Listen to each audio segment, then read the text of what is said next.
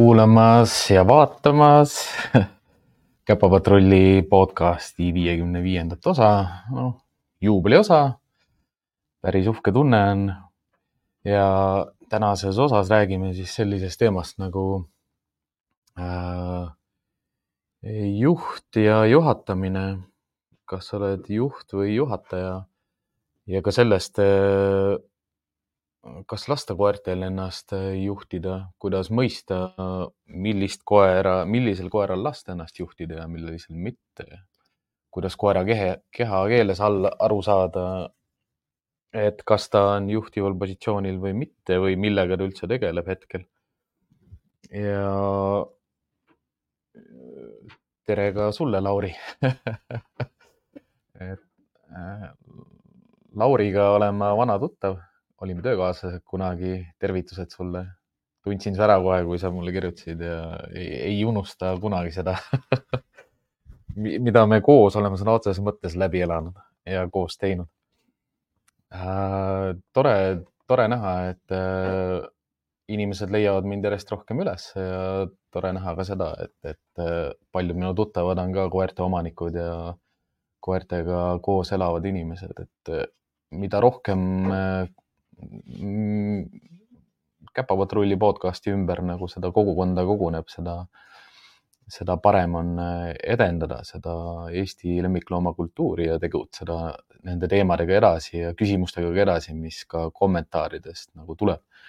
sest äh, kui te, kes on pikemad kuulajad ja vaatajad, need ilmselt saavad aru, et äh, osad, eh, noh, teemad, teemad, mida ma püstitan, tulevad tegelikult eh, minu igapäevatööst eh, koertega ja inimestega.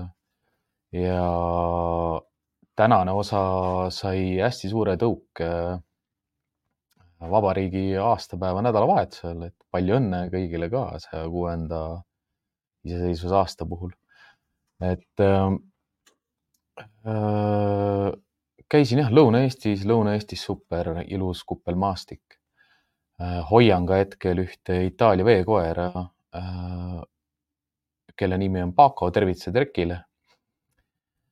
Äh, Pacost, Pacost saigi natukene see teema alguse, sest läksime siis jah, teisel päeval jalutama, seal lähedal on niisugune ilus suusarada, aga suusailma ei olnud oli vihmane ilm. ja jalutasime, loomulikult koer kaasas ja, ja küsimus mille elukaaslane mulle esitas, oli see, et kas ma Pakot lasti ei lase. et kas ma teda vabaks ei lase, noh, ma olen elukaaslasega koos ju elanud ka koos oma kahe teenistuskoeraga. et nemad ei olnud mul kunagi rihmas, et, et ikka inimestel, kes ümber on, tekivad sellised küsimused ka.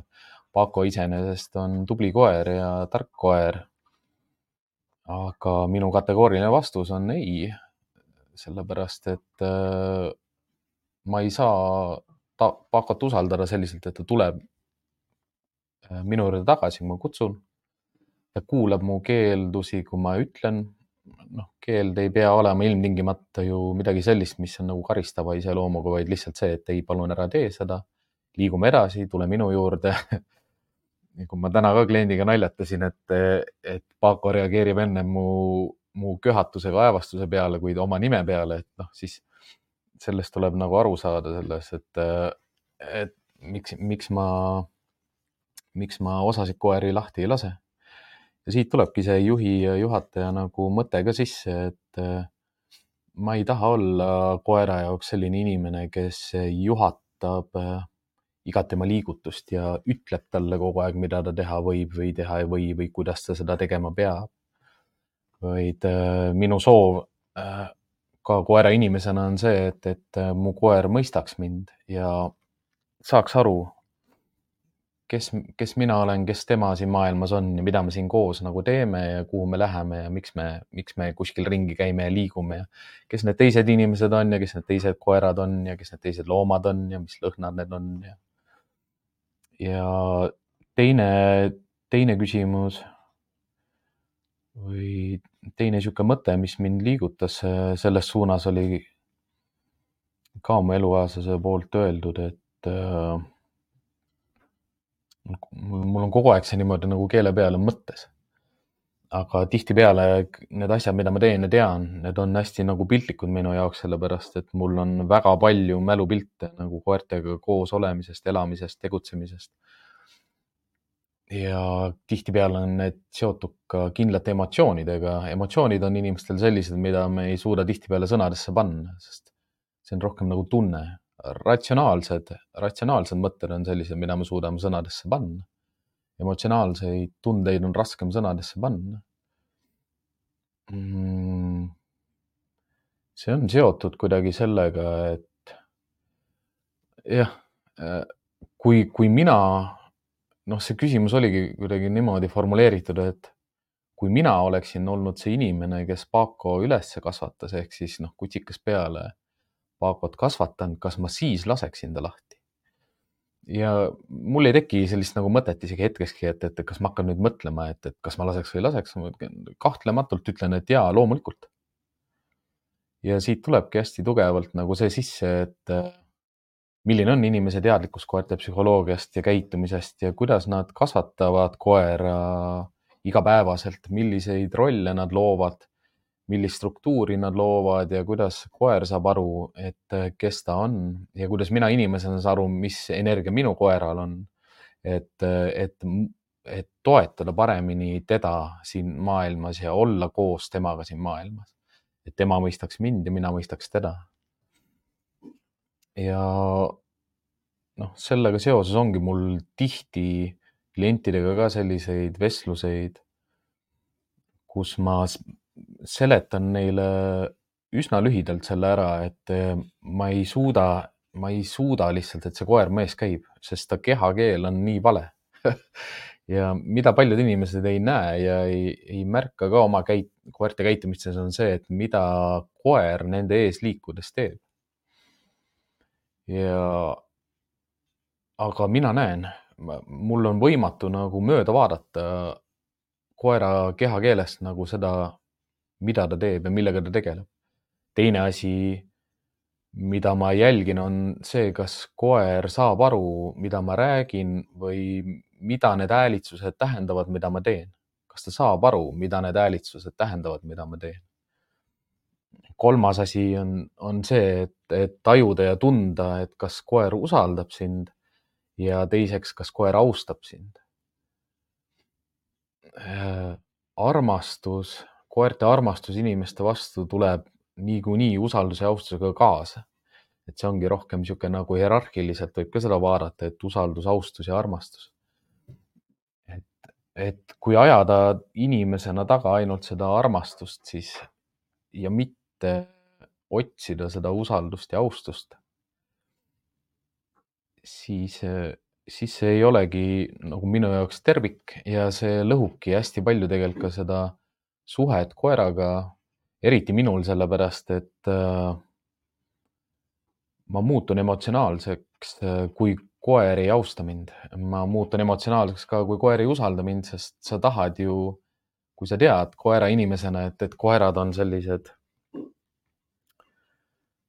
tingimusteta sinuga koos, neil ei ole vaja nagu väga palju, et inimesega koos olla. Nende jaoks selline armastus ja koostöö on ka lihtsama emotsionaalse seosega kui, kui inimeste maailmas.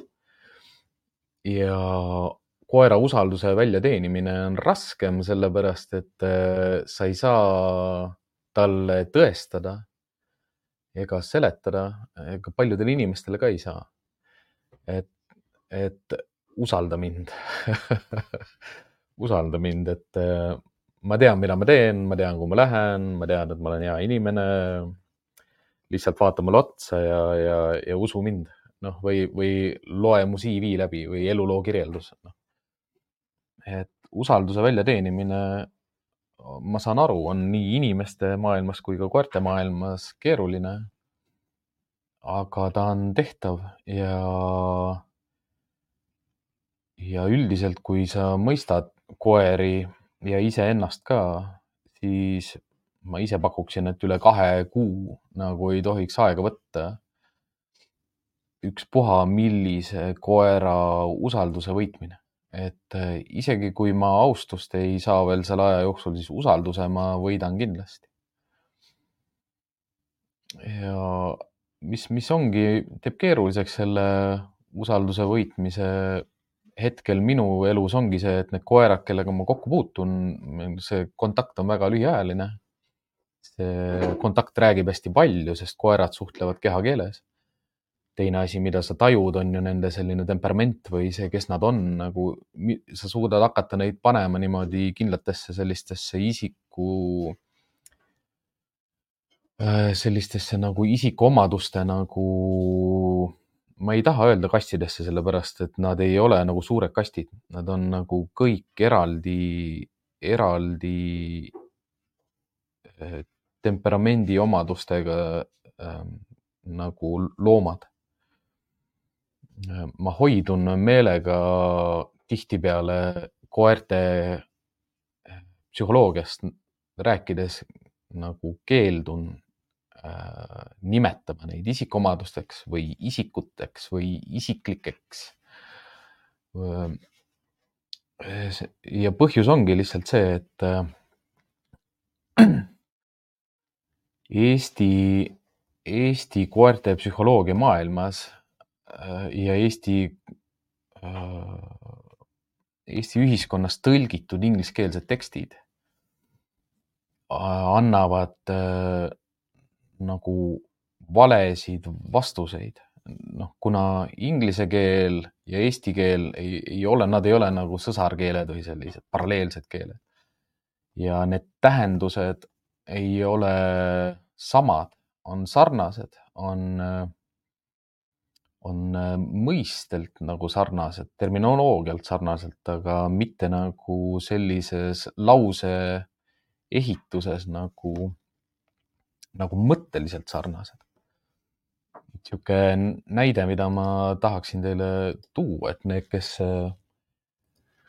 kes, kes jah, hiljem kuulavad, siis, siis teate, et Youtube'ist saab järgi ka vaadata. ma jagan teiega sellist ühte lühikest Oxfordi ülikooli artiklit, mis tegelikult on juba aastast kaks tuhat neliteist, mis minu tegi nagu äärmiselt õnnelikuks, aga samamoodi ma lugesin selle äh, sarnase äh, pealkirjaga, et äh, lõpuks ometi teadus jõudis nagu koera käitumise spetsialistidele järgi. minu arust see, see artikkel oli rohkem see, et teadus jõudis lõpuks see Cesar Milanile järgi. ja noh, kui võttagi lihtsalt see esimene sissejuhatav lause siit Uh, dogs' path during group walks could be used to determine leadership roles and through their social ranks and personality traits, says researcher from Oxford University. Edwardsi ülikool on üks selline äh, kõige suurem panustaja nagu koerte käitumise maailma ja koerte psühholoogia maailma, selline inimene nagu Adam Mikloosi ja tema, tema poolt tehtav töö ja panus kogu sellesse koerte käitumise maailma on tohutu. et võite ka Edwardsi ülikooli tegemistega ennast kurssi viia. aga nüüd ongi, et kui see, ütleme, et kui võtta ja kopeerida näiteks see lause, ma pean, jagan teiega teist lehte, mis on siis jah, Google Translate ja kui ma selle siia sisse kopeerin, siis eesti keeles see ongi nagu, et koerte liikumisteid rühmas jalutuskäikudel saab kasutada juhi rollide ja selle kaudu nende sotsiaalsete positsioonide ja isiksuse omaduste määramiseks. et noh, ma olen nõus, et, et ta aitab nagu isiksuse omadusi kui selliseid ja määrata, inglise keeles on see sõnapaar personality traits ehk siis äh, mitte hästi oluline nagu eristada see, et inglise keeles on koerad ei ole teadvus, nad ei ole conscious, äh, nad on sentient beings. et me ei saa neile isikuomadusi juurde panna, aga me saame võib-olla jah, isiksuse omadusi või selliseid rohkem nagu personality traits või selliseid nagu käitumise või perso-, noh, perso-, jälle läheb perso-, personaalseks. et noh, neile nagu omaseid omadusi. et milline ta on, mida ta teeb, kuidas ta teeb, miks ta teeb, et saab koertest äh, selliselt rääkida ja seda tuleb ka nagu nii-öelda sellest juhi positsioonist või juhtimiskohalt nagu jälgida. ja noh, üks selline oluline asi, mida ma pean juhi ja juhataja juures nagu inimese seisukohast oluliseks ja miks ma ise pean ka ennast nagu rohkem naturaalseks ja tasakaalustatud treeneriks, et mul ei, mulle ei meeldi tohutult nagu kuulekust õpetada. ma ei õpeta koertele noh, ka mingeid selliseid spetsiifilisi oskusi ilmtingimata nagu sihtmärgistatult või eesmärgistatult noh, mingit kindlat oskust, mida mina tahan, et ta oskaks teha. ma liigun koertega, ma jooksen koertega, ma ujun koertega, ma mängin koertega. ma annan neile süüa, ma müran nendega, ma maadlen nendega. ma masseerin neid, ma sügan neid, ma kontrollin nende keha konditsiooni. Ma olen nendega koos, mulle meeldib koertega koos olla aga mulle meeldib ka see, see, et, et ma ei taha olla nii palju selline juhataja, kes ütleb kogu aeg, et mida teha, kuidas teha, millal kõrval olla, kuidas juures olla.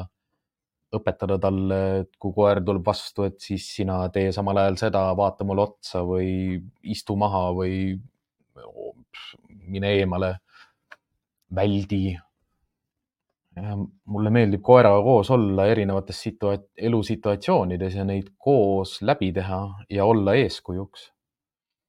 ja minu jaoks see eeskujuks olemine on rohkem selline juhi roll, mitte juhataja roll. juhatajana ma kogu aeg ütleks talle, mida ta tegema peab, kuidas ta tegema peab, aga juhina ma olen eeskujuks ja, ja loon talle võimalused õnnestuda. ja, ja see mõte ongi selles, et, et, et sa ei pea inimesena koera jaoks olema selline range ja, ja kogu aeg nagu keskav, käskiv ja keelav. aga pigem nagu enesekindel, äh, rahulik ja julge, pealehakkaja, sihikindel, järjepidev ja neid õnnestumise võimalusi nagu tekitav ja ka õnnestumiseks ettevalmistav, et noh, õnnestumiseks ettevalmistamise osa on ju kõik see sotsialiseerumise pool või sotsialiseeru, noh, koerad ei, neid ei saa sotsialiseerida, nad sotsialiseeruvad. ehk siis, kas ma olen inimesena teda sotsialiseerinud selliselt, teadlikult ja valinud neid kohti, aegu, kuidas et ta saaks maailmas õppida. kas, kas ma olen ise olnud piisavalt rahulik, kas ma tean, mida ma teen ja ma, kas ma tean, kuidas ma teen ja kas ma näen koerast, kas ka tema saab aru, mida me koos täna siin teeme. et meil noh, selliseid olukordi tuleb elus nagu nii palju ette. ja mõlemal suunal on hästi oluline see, et, et mina mõistan koera ja koer mõistab mind noh, muidugi ongi lihtsam alati ennetada kõiki käitumisprobleeme ja, ja alati vaadata nagu seda, seda koera käitumise kujundamist justkui nagu sellise terviku komplektina, kus, kus mina inimesena olengi see hea, hea kaaslane, kellega koos elust läbi minna. ja alustad ju alati juba ju kutsikast peale ja ma ei räägi, ma ei räägi mitte midagi sellist, mida ma ise ei ole kogenud või teinud koertega. Ja ma tean ka seda, et ma olen seda teinud kümnete-kümnete koertega, sest noh, mida paljud inimesed ilmselt minust ei tea, on see, et kui ma töötasin ka Betsitis, siis ka Betsitis elas ja oli selliseid püsikliente koerte näol, kellega minul oli väga lihtne ja ka mul oli au üles kasvatada üks Inglise bulldog, kes hakkas äh, meie juures käima kahekuusest alates, lihtsalt omanikel oli elumuutused sellised ja nad ei tahtnud koera ära kanda, aga ja nad otsisid sellist võimalust nagu kuskile koera jätta. ja ma noh, võib rahulikult öelda, et kui sa oled suutnud juba Inglise buldoogi, kes on äärmiselt jäärapäised ja sellised, nad ei ole üldse rumalad koerad, aga nad vajavad inimest, kes on veel jäärapäisem ja sihikindlam kui nemad. et kui sa oled tema saanud juba ennast usaldama ja austama panna, siis, siis edaspidi juba on palju lihtsam teiste tõugudega. et ma mäletangi, et see oli nii, nii huvitav äh, kogemus mulle endale ka, sest ega ma tihtipeale alustades, kui ma tegutsesin teenistuskoertega, siis ma paljud sellised Belgia lambakoerte käitumismustrid nagu mm, toetasin sellele, et äh, nad on lihtsalt targad koerad ja nad õpivad kiiresti. et nad on targad koerad ja nad õpivad kiiresti, nad on karjakoerad, neile meeldib, noh, nad on lambakoerad, nad on karjakoerad. Neile meeldib inimesega koos olla, nad teevad inimesega hea meelega koostööd, sellepärast nad ongi sellised. Aga mida rohkem ma ka teisi tõuge, teiste tõugudega töötasin, neid äh, üles kasvatasin, nende usaldust võitsin nii varjupaigas kui hotellis töötates kui ka hiljem äh, hakates äh, koduvisiite tegema, ma hoidsin ka koeri. ja ka nende usalduse ja austust võites ma nägingi ju, et see kõik töötabki kõikide koertega täpselt ühtemoodi, täpselt samamoodi, olenemata sellest, kas ma, kas mina inimesena väga erinevalt kõikidele lähenen. et ma lähenen kõikidele koertele ühtemoodi, ma tõlgendan nende käitumismustreid samamoodi olenemata sellest, kui karvased, kui lühikarvalised, kui siledakarvalised, kui pikad, kui suured, kui väiksed nad on. ja, ja töötab äh, kõik täpselt samamoodi iga koeraga. noh, asjad, noh, miks ma, miks ma pean oluliseks inimestele korduvalt ära selgitada seda, et miks mitte lasta koeral sinu ees liikuda, ongi läbi selle, et koer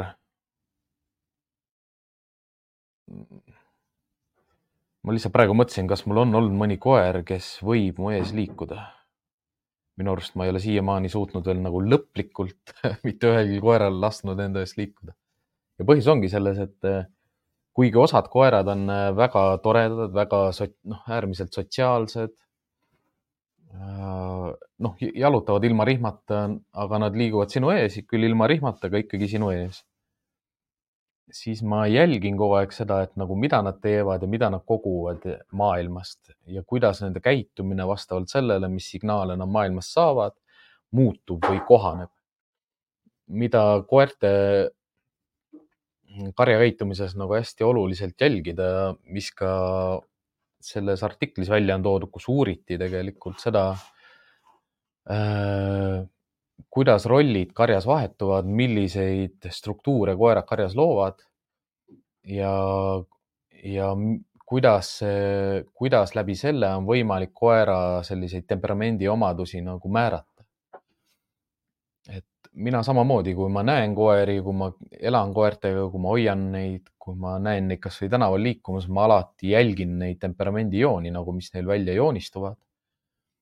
Noh, lisaks sellele veel energiatase ja, ja noh, ongi rohkem niisugune, kui energiline ta on ja millised on ta nagu isiksu, isiksuse omadused, noh, mulle enam-vähem see koondsõna nagu meeldib. Et millised ta need isiksuse omadused on, kes ta nagu siin maailmas on ja mida ta siin teeb.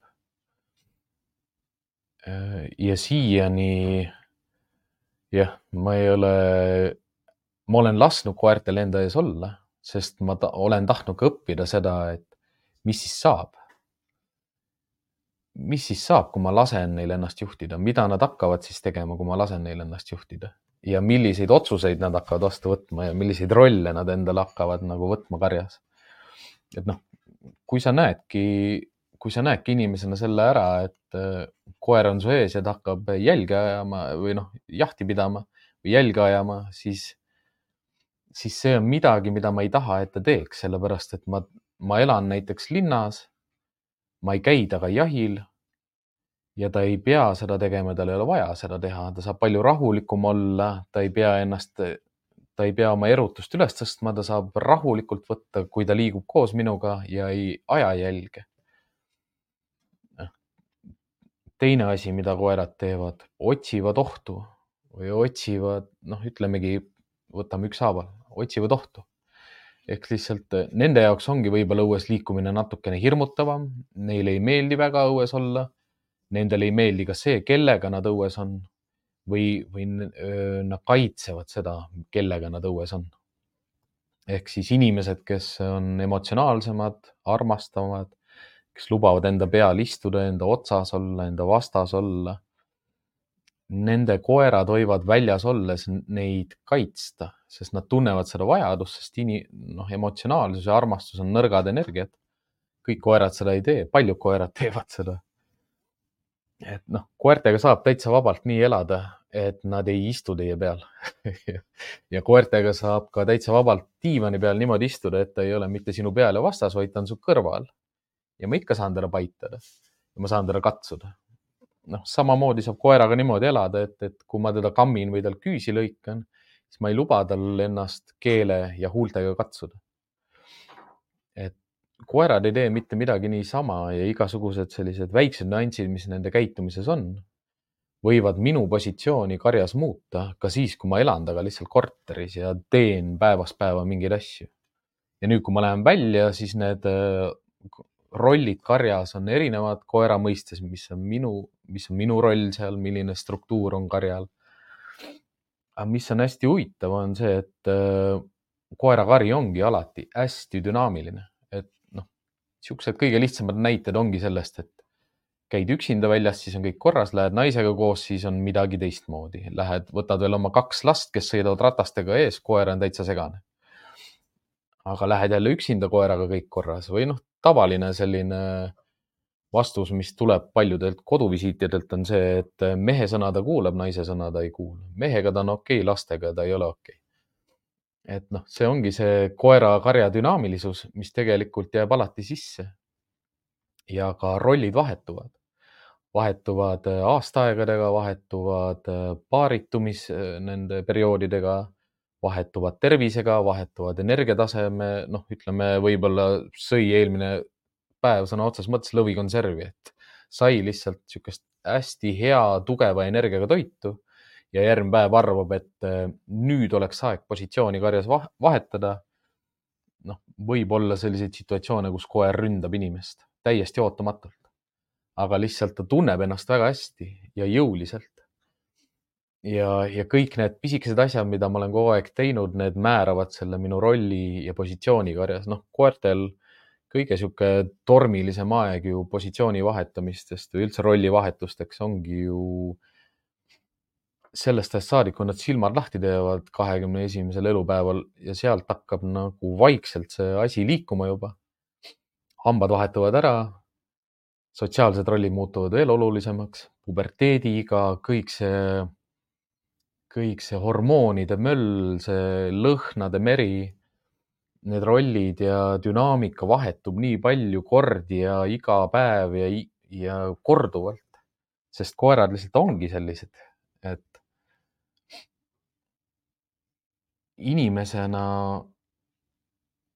ongi meil lihtsam seda näha, märgata. ja ma ei tahaks kasutada sellist sõna nagu kontrollida. aga mis, mida ma hea meelega kasutan, on majandada. Et kui ma tean oma koera, ma näen, mida ta väljas teeb. ja mulle ei meeldi see, mida ta väljas teeb, sest kaks asja, üks asi see, et ma ei ole talle öelnud, et ta seda teeks. ja teine asi see, et äh, see, mida ta teeb, on talle endale kahjulik.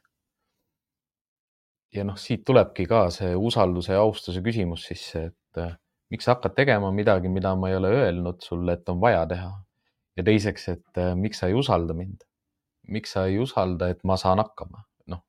kõige sellega, mida sina tahaksid, et, et karja heaolu nagu tervikuna saaks valmis tehtud. ja noh, jalutama minnes koer su ees liigub, eriti kui ta veel rihmastatult liigub.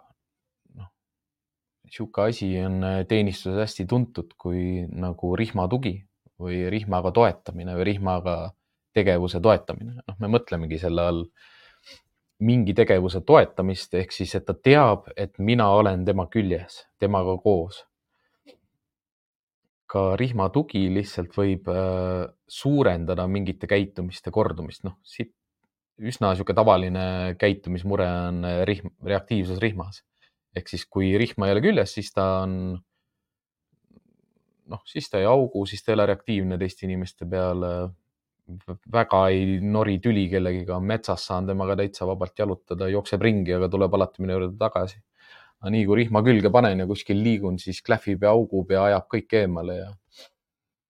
ja noh, see on ka selline, selline seo, sidu, noh, selline kontakt, mis meil koeraga on või side ja suhe, mis on loodud.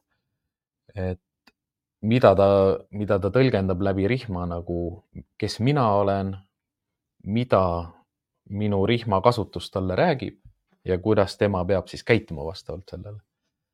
vastavalt selles rollis, mis tal karjas on ja, ja vastavalt oma sellise isiksuse omadustele.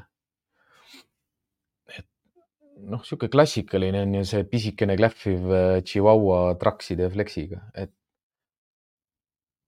et kui sa nii väiksele koerale ei suuda selgeks teha, kes sa oled ja mis tema roll on nagu päevast päeva, siis on juba noh, siis on oluline nagu vaadata selle, selle sisse nagu, et mida ma teen ja mida ma luban teha ja mida ma ei luba teha ja mida võib teha ja mida ei või teha.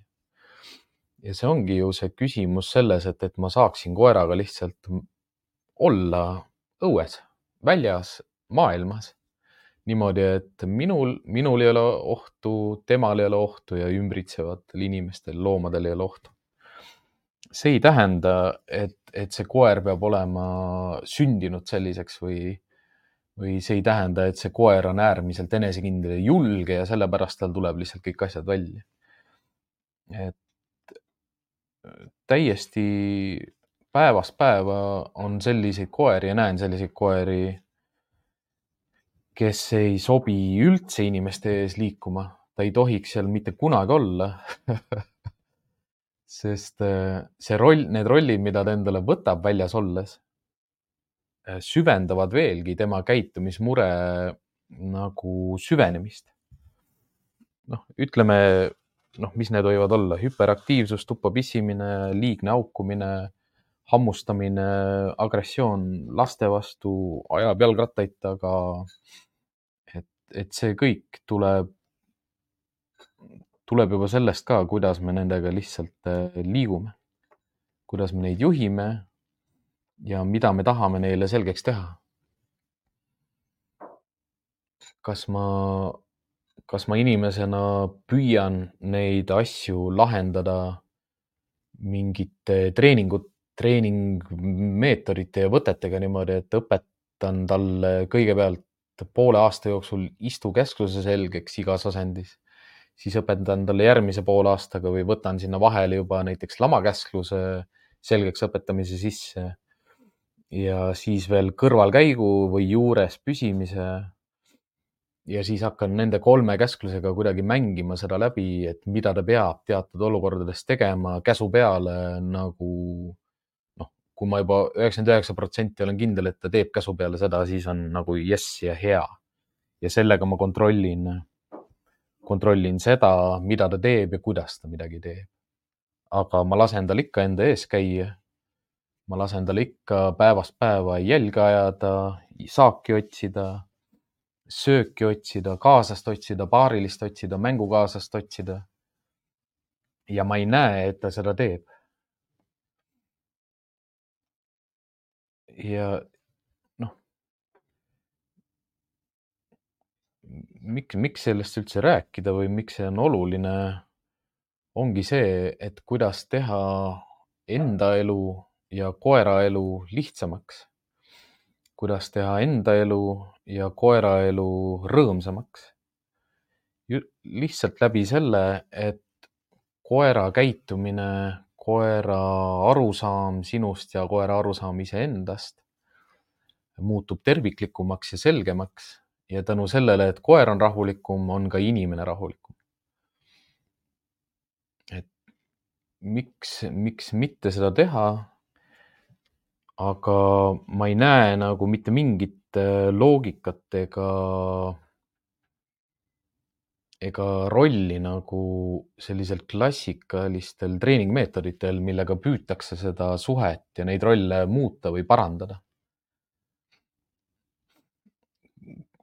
üldse pole vastu sellele, et tegeletakse kuulekuskoolitusega, üldse pole vastu sellele, et koertega mängida, joosta ja treeningutel käia, super. Aga märkida see märk nagu külge sellele, et suhe koeraga oleks parem, siis mine temaga trenni. noh, inglise keeles ongi see, et I call bullshit. et noh, see on, see on täielik jama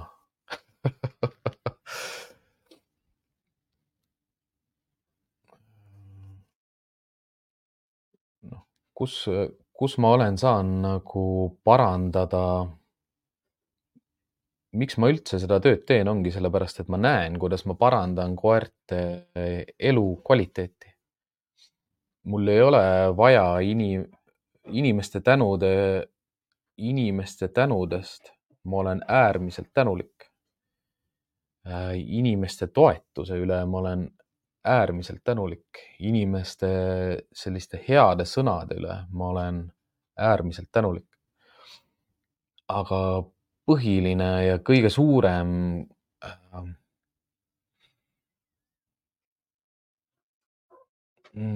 rõõm ja õnn, mis mul oma tegevusest tuleb, on ikkagi see, mida ma koertes näen, mida ma koerte, mida ma koertel, mida ma koertelt saan mida ma koerte käest teada saan.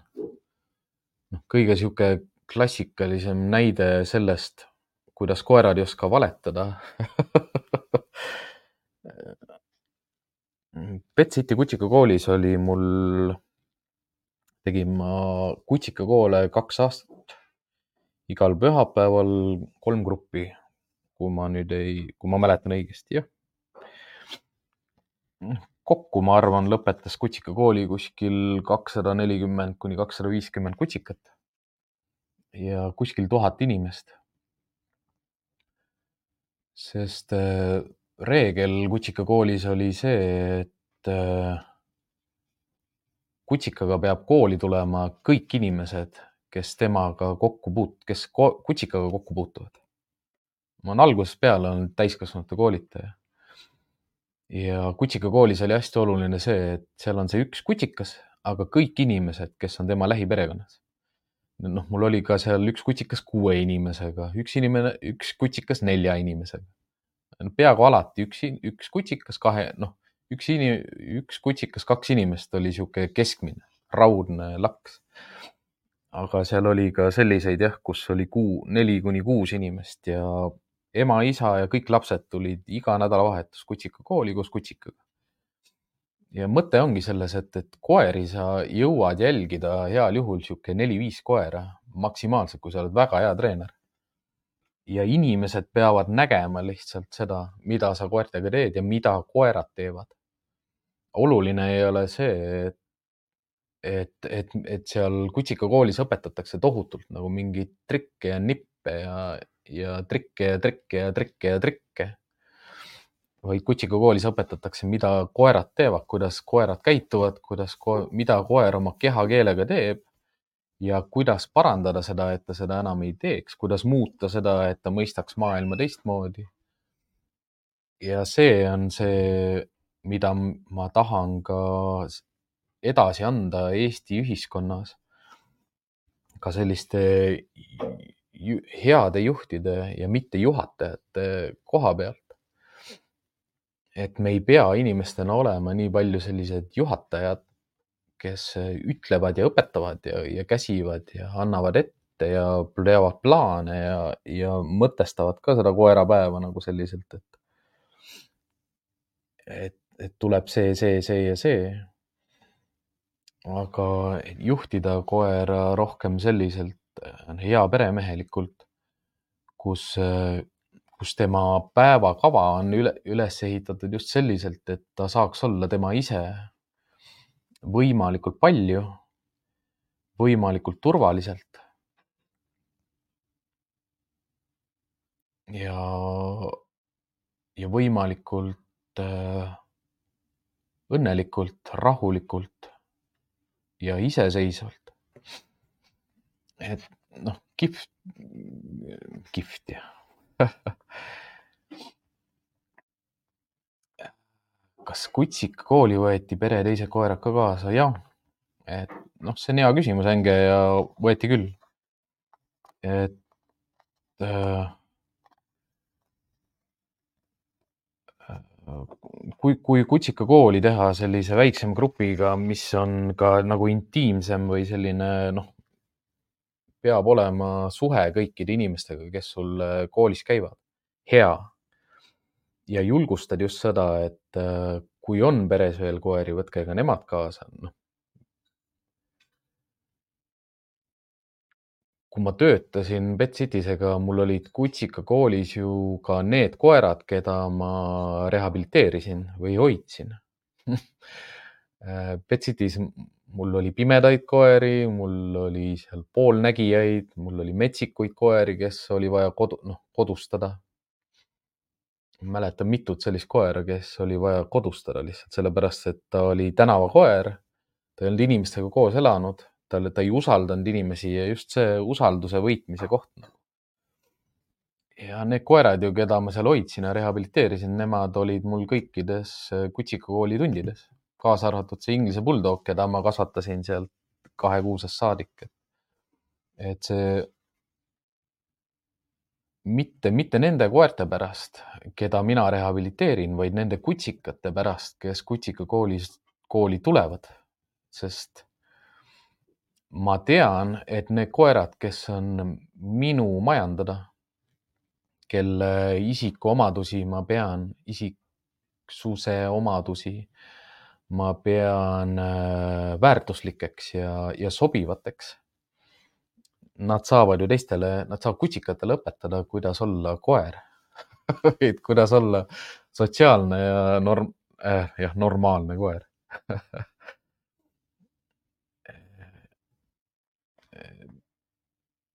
sinna mitte ainult ei võetud kutsikaid kaasa, vaid ma aeg-ajalt võtsin ka sinna vanemaid kutsikaid, kuigi ma ei tahtnud üldse üle neljakuuseid kutsikaid võtta, aga vahest ma võtsin äh, ka kuuekuuseid kutsikaid, aga ma pidin neid ennem nägema.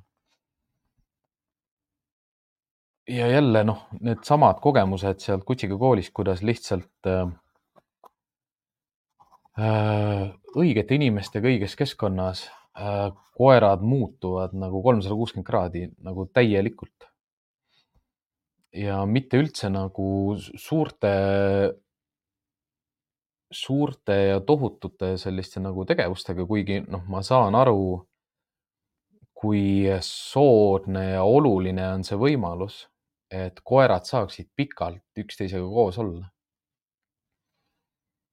et noh, ma ei loo endale mitte mingit illusiooni, et, et ma ise olen nii hea koolitaja, et, et ma ja muudan kõikide koerte maailma, aga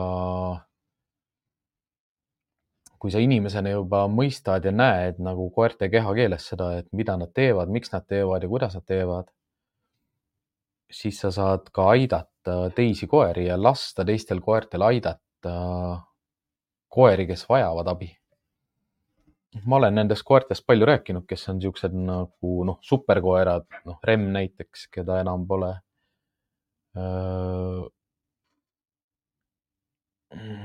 Mõtlen, mul oli üks Husky ka hotellis, kes oli super, noh, noh, ta oli nii super, noh. Pole olnud sellist Husky't, kellega ma saan ilma rihmata jalutada ja ta ei käi minu ees. et ta nimi oli J-tähega, Jimmy, ma ei mäleta. et on selliseid koeri, kes nagu, kellega sa saad teisi koeri õpetada ja aidata.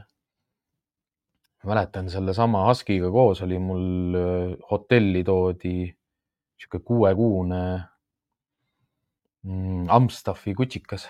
Ja see Amstaffi kutsikas oli alguses täiesti üle käte, aga see Husky õpetas talle, kuidas elada rahulikult.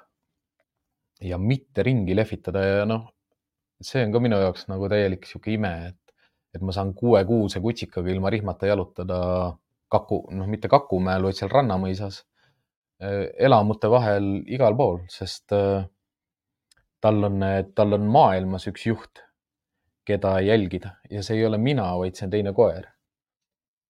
aga kuna see teine koer usaldab mind ja austab mind, siis ka tema õpetab sellele väiksele koerale, et seda inimest saab austada ja usaldada. ja noh, need ongi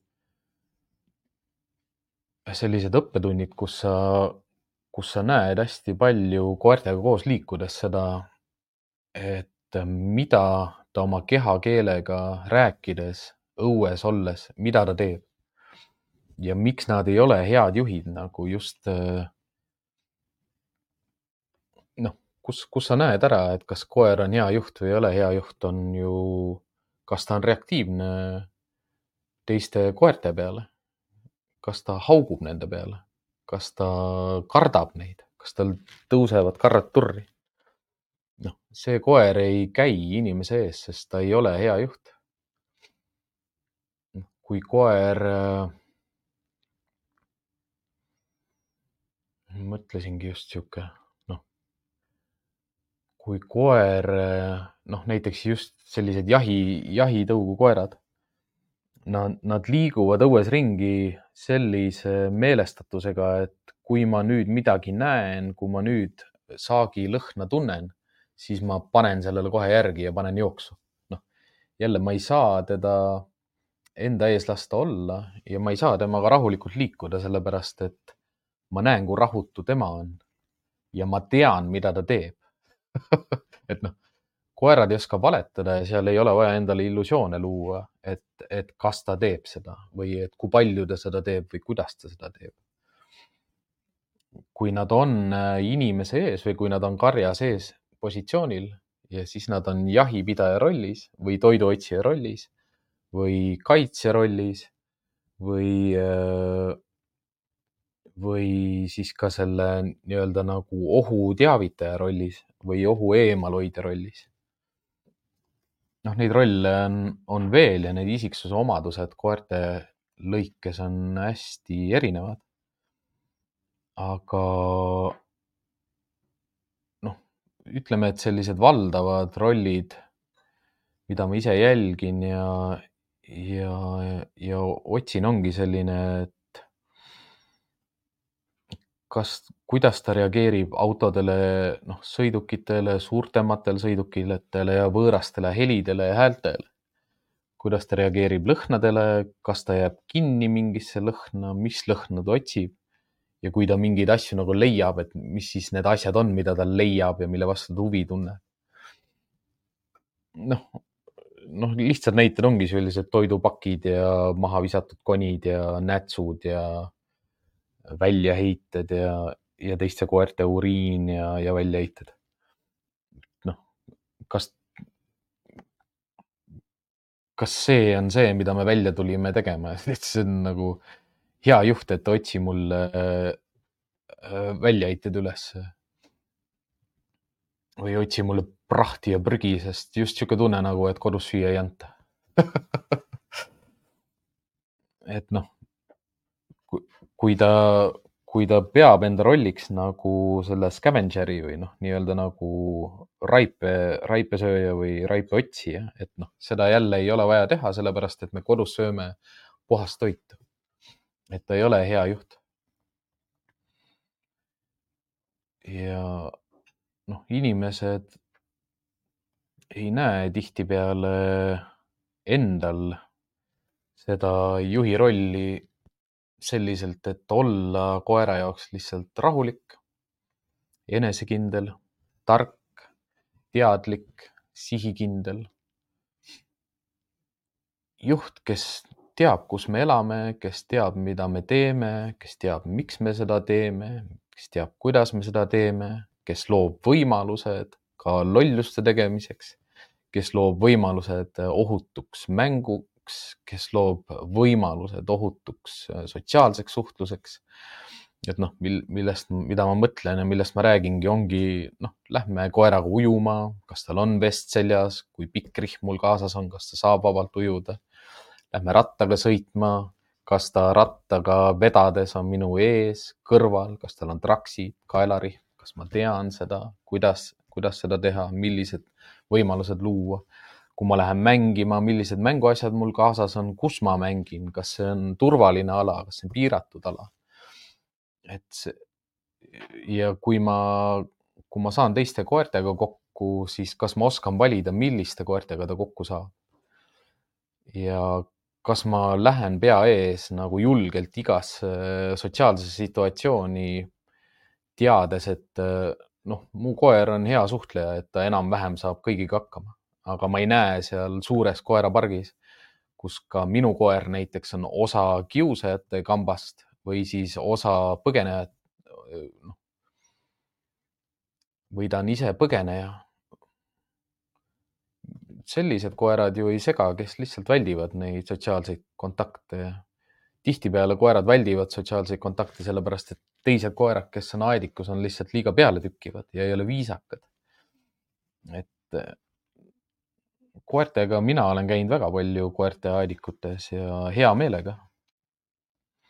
aga samamoodi nagu ka see Nuf-Nufi puurivaba päevahoid, et kui ma ei saa seal nagu väga pikalt olla sest ma muutun lihtsalt ärevaks ja ma muutun ärevaks lihtsalt sellepärast, et see töömaht on nii suur. et noh, ma saan aru, et see on natukene nagu minu enda viga ka, aga, ja ma ei hei-, ma ei tee absoluutselt mitte mingeid heit-, etteheiteid mitte kellelegi.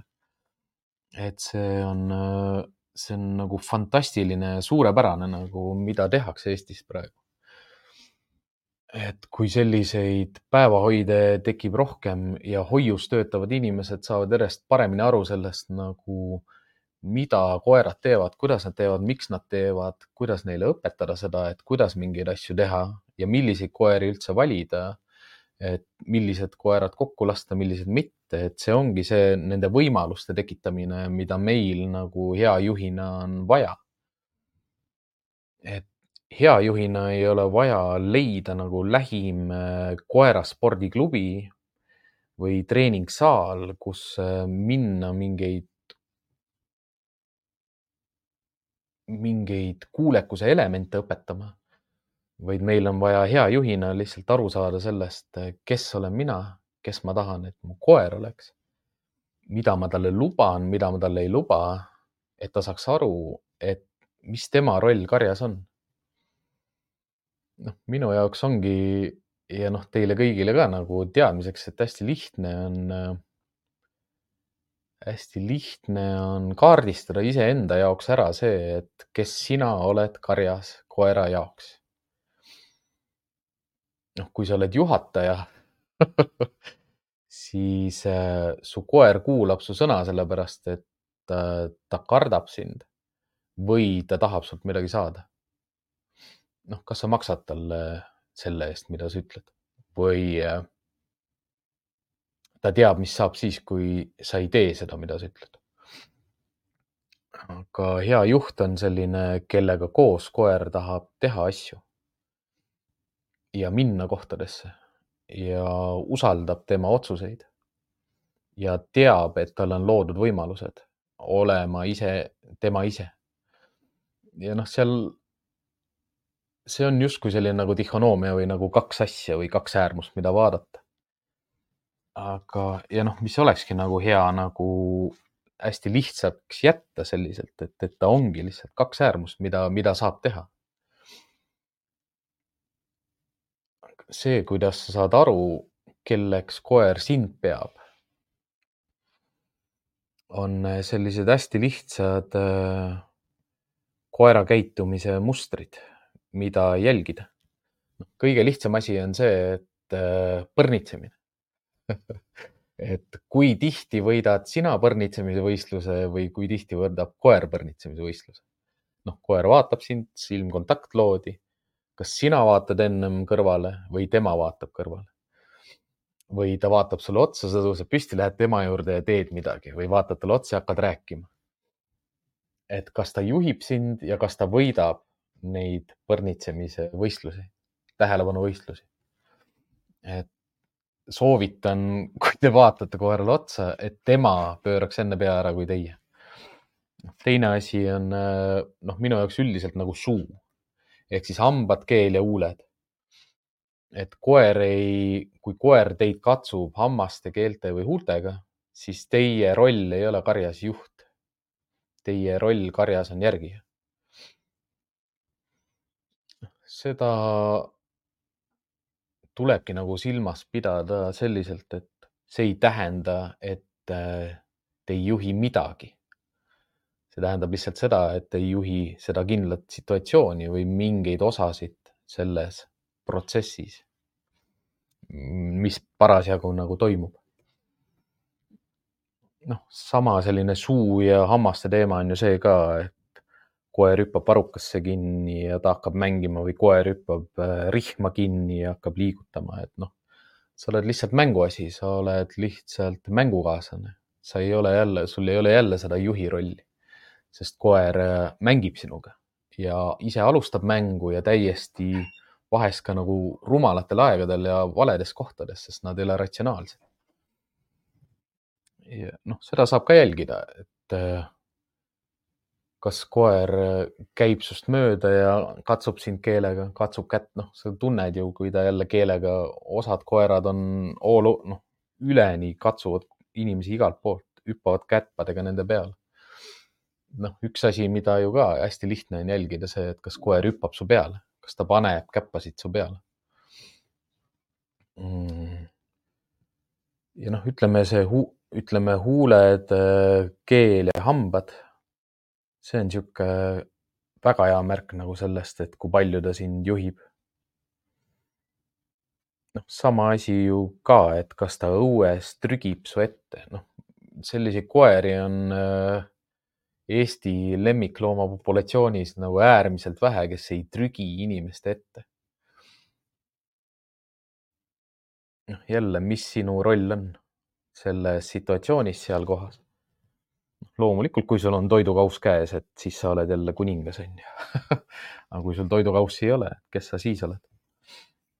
et koeraga olekski hea, kui, kui see roll äh, on ikkagi enamuse ajast inimese noh, nii-öelda liivakastis, mitte koera liivakastis.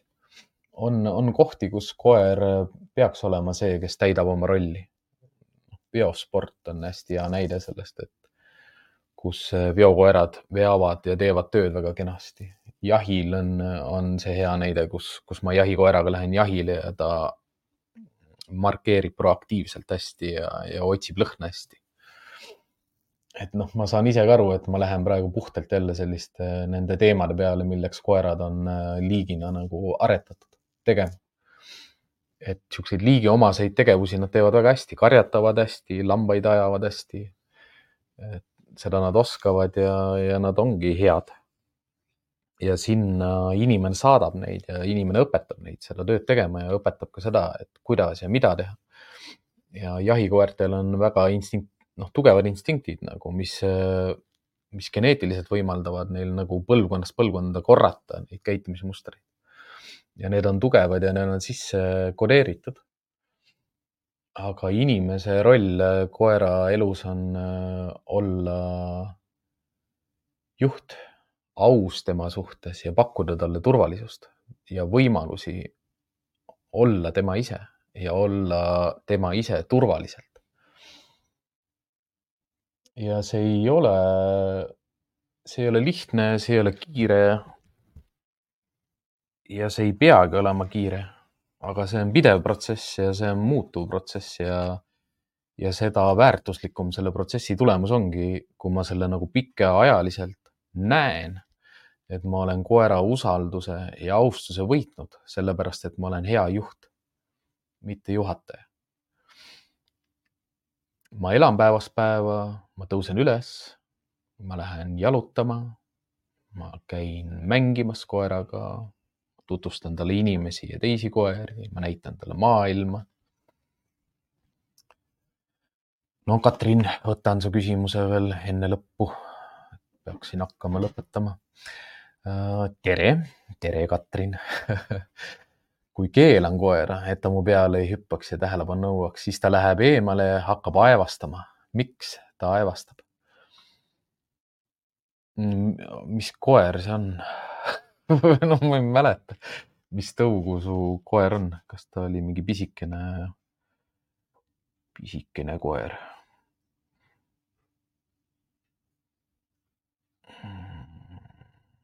jah, kui seda vastust praegu ei jõua. üldiselt jah see aevastamine võib olla lihtsalt õpitud või õpetatud käitumine mm. -hmm. jah, see väike valge visioon jah. noh, lühininalised koerad, nendel on niikuinii selle, selle hingamisraskusi ja, ja noh, mulle lihtsalt tundub, et see on seotud sellise õpitud käitumisega, mis on ka natukene nagu alistumiskäitumine aga preemiaks on see, et äh, karistus lõpeb ära noh, naljakas, äh, naljakas mõelda selle peale, aga tõ, noh, tõenäosus on, et äh, tal geneetiliselt lihtsalt tõule omaselt on niigi hingamisraskustega probleeme. ja ta on lihtsalt ära õppinud selle, et kui sa tõstad häält, et siis ta peab niimoodi käituma ja kordama, noh, ta kordab seda sellepärast, et see on premeeriv. Preemiaks on äh, see, et karistus lõpeb ära või noh, ütleme, et see, see keeld oli ja tema sihuke alistumiskäitumise muster on siis see aevastamine mis, seda tahaks täitsa näha, see oleks päris uh, huvitav. aga noh, kui Bichonid tahavad nagu inimese peale tulla, siis seda ei peagi ju häälega keelama.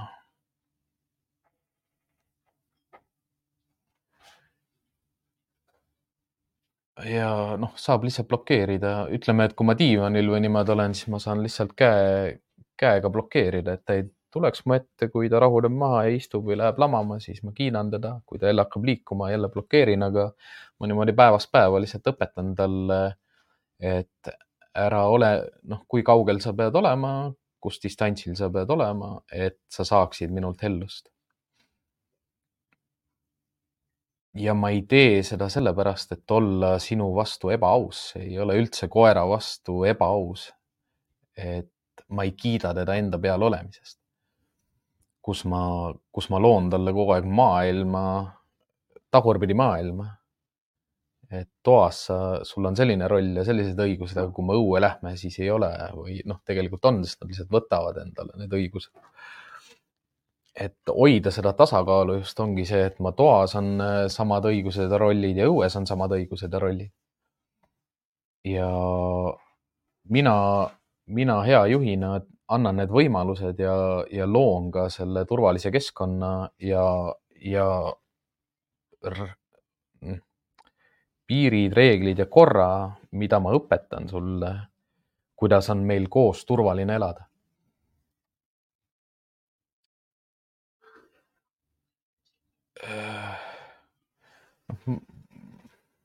missiooni puhul ma arvan seda ka, et see võib olla seotud ka nagu sellise liigse erutusega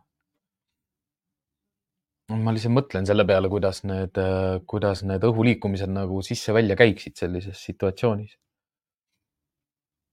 Miks ta aevastama hakkab, jah, see peab olema nagu õpitud käitumine natukene. see ei ole loogiline. aga noh, sinna suhtesse peakski järjest rohkem tulema sellist nagu rahu ja enesekindlust ja sellist, noh, üks oleks see põrnitsemisvõistluste võitmine. ja lihtsalt selline äh, rahulik kooselu selgete reeglite ja piiridega, kus äh, meil mõlemal on üksteisest kasu. noh, väikse koera väikse koera ma ise olen ka plaaninud endale võtta järgmisena pigem väiksema, sest neid on hea nagu tõsta ja tassida ja autosse panna ja. aga ta on ikkagi ju samasugune koer nagu kõik teised koerad. Ja see juhiks olemine on privileeg, mitte õigus. et noh, sa peadki ju austuse ja usalduse välja teenima ja see on pikaajaline protsess ja mis nagu liigina meid eristabki koerast, on see, et äh, ma inimesena saan neid otsuseid ratsionaalselt vastu võtta. koeral ei, koer ei ole võimeline mitte kunagi ratsionaalseid otsuseid tegema selles osas, kuidas ta inimeste maailmas elab. ja minu jaoks ongi see koera kodustamise nagu ainukene põhjus, miks koer kodustus nagu loomana. et ta oligi inimesele kasulik. Ja inimene andis talle tööd ja süüa ja kodu ja, ja tegevust. hästi huvitav on vaadata neid National Geographicu mul ei tule praegu selle saate nimi meelde, aga seal äh, käiakse erinevates maailma osades vaatamas koerte elu noh, tänasel päeval, aga nendes endistes äh, noh, nii-öelda nagu põliselanike kogukondades. see on väga huvitav jälgida ka nende koerte suhet nagu mingite laste või inimestega, kus, kus sul ei ole seda poodi, kust konge ja nutse ja palle osta ja ja millised on mängud nagu, kuidas nad kätega, mida nad kätega teevad koera näoga ja, ja kuidas see suhe tekib nagu hoopis teistsugune. kus sa koos valvad karja ja koos käid metsas ja koos mängid ja koos matkad ja koos käid jahil ja. Oh, Henge, kus teil see väike spits on? nojah, väikse spitsiga on ju sama see noh, mis on aretuse nagu suur see, see tänu, see, mida aretus nagu teeb tõug, koera tõugudega, eriti pisikeste tõugudega on ju alati noh, pise, kolju peab järjest väiksemaks ja väiksemaks ja väiksemaks jääma ja siis, siis kõik need asjad ei mahu enam siia nagu ära, noh, iseenesest see aevastamine ja, ja, ja, ja ka prantslaste puhul ju see norskamine, see vahest on naljakas ja sihuke lõbus. noh, mida, aga sa ei saa, noh, sa naerad, aga, aga ma, kui sa inimesena tead, et ta sisuliselt nagu lämbub, et siis noh, see kõlab naljakalt ja näeb naljakalt välja, aga lõppkokkuvõttes ikkagi see on ju koera heaolu nagu kahjustav see ei tähenda, et need koerad ei ela sellist nagu täisväärtuslikku elu ja me ei saa neid kuidagi aidata ega, ega nende elu nagu paremaks teha. aga noh, prantslastega näiteks hea lahendus on see, et ärge ostke neile nii soojasid pesasid, et pange neile lihtsalt nagu porimatt alla või noh, kui te tahate midagi alla panna. peaasi, et nad külma betooni peal ei maga.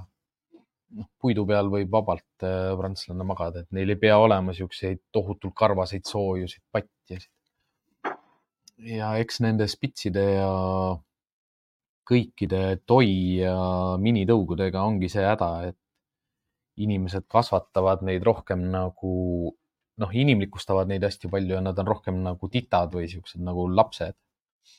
mis põhjustab seda, et nad on tihtipeale hüperenergilised. ja ei, ja noh, see see, et nad äh, on nagu üle, ülierutunud mingites olukordades raskendabki, noh, minu jaoks, mul täpselt tuleb selline nagu tunne, et nagu hingan kiiresti sisse-välja ja sisse-välja ja mingi asi pannakse lukku ja, ja siis hakkan aevastama, sest aevastamine minule teadaolevalt inimestes on ikkagi ju õhupuudusest noh, selleks ajaks igatahes jääb hingamine seiskub, süda jääb ka seisma jah, see on hästi huvitav, huvitav mõte, noh, ma tean, et ma olen seda näinud ise ka äh, koduvisiitidel, kus äh, väiksed koerad hakkavad aevastama. aga see on pigem just see, see hingamisteede noh, nagu väik-, kokkusurutus ja väiksus nagu, kus lihtsalt nagu õhuvoolud ei liigu nagu enam õigesti ja tekib see just, justkui koerale nagu takistus hingamisteedesse, mida ta proovib siis välja aevastada. jah Läheb äh, teemast kõrvale, aga, aga mõte jääb ikka samaks jah, et noh, hea juhina ma töötaksin selle kallale, et äh, kiita koera käitumises järjest rohkem selliseid rahulikke olemisi ja rohu, rahulikku käitumist, kannatlikkust, ootamist ja rahunemist, pikutamist, lihtsalt olemist, vaikselt olemist. ja see ongi selline pikaajaline ja tänuväärne protsess juhina nagu, kus sa lood neid võimalusi ja keskkondi ja, ja oskust nagu õnnes, õnnestuda koerad õpivad lihtsalt äh, aeglaselt, kui nad on ka juba vanemad. et neli pluss kuud, noh, sealt edasi juba see õppimine ei ole enam nii kiire. aga minu asi on olla juhina nagu teadlik, läbinägelik ja, ja õpetaja sellise toetaja olukorras, kus ma kiidan käitumisi, mida ma tahan rohkem näha ja, ja lihtsalt väldin või ennetan, et neid käitumisi, mida ma ei taha näha, et need ei juhtuks või ei peaks juhtuma, sest ma majandan koera päeva selliselt, et eh, midagi väga halba ei juhtu. ma ei ütle, et, et ei tohiks midagi juhtuda, aga need ei pea nagu päevast päeva juhtuma oledki lihtsalt äh, noh, ma ütlen uuesti, ma tean nagu need küsimused, millega ma alustasin ka, et äh, miks ma koera lahti ei lase, miks ma talle vabadust ei anna, miks ma teda ei usalda, miks ta mu sõna ei kuula. ja kas ma suudan, kui ma ise kasvataksin ükspuha millise koera, kas ma suudaksin ta kasvatada selliseks, et ma saan ta lahti lasta, kui ma lähen Lõuna-Eestis metsa jalutama. noh, me ei räägi ju sellest, et ma lähen temaga kesklinna autode vahele jalutama kõnniteedele või kuskile rahvarohkesse kohta, vaid me räägime nagu põllud ja mäed ja ma ei lase teda lahti, sest ma ei usalda teda. et see kõik on tehtav, see kõik on õpetatav kõikidele koertele aga see võtab aega, sest nad ei õpi enam nii kiiresti, kui nad on vanemad. ja mul ei ole ka inimesena kiire, et talle seda lõpuks selgeks õpetada. ma lihtsalt tegutsen sellega päevast päeva ja minu poolest kasvõi aastast aastasse. sest noh, üks selline verstapuu võib olla ka viies eluaasta ja üks verstapuu võib olla seitsmes eluaasta ja seitse pluss. et te näete veel, kuidas koer, koera käitumine muutub aga noh, muutuma peab ju lihtsalt see juht ja juhi roll. juhi, juhi roll karjas ja, ja järgija roll karjas. ja see võtab aega.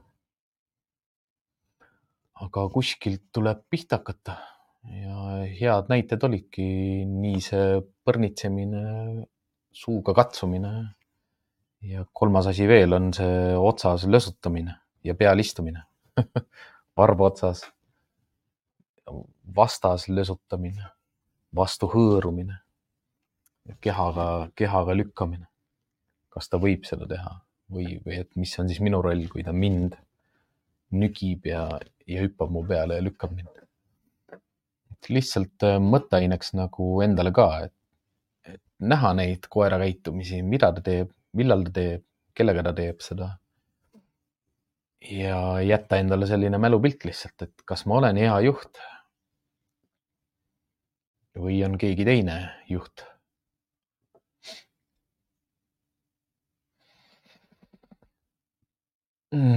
Aitäh teile küsimuste eest ja kohtume umbes täpselt nädala pärast kell pool kaheksa õhtul. Ja kõige tähtsam, mis siis jah jälle annan teile endiselt mõttena kaasa, on see, et teadmatus ei ole lollus. head õhtut, nägemiseni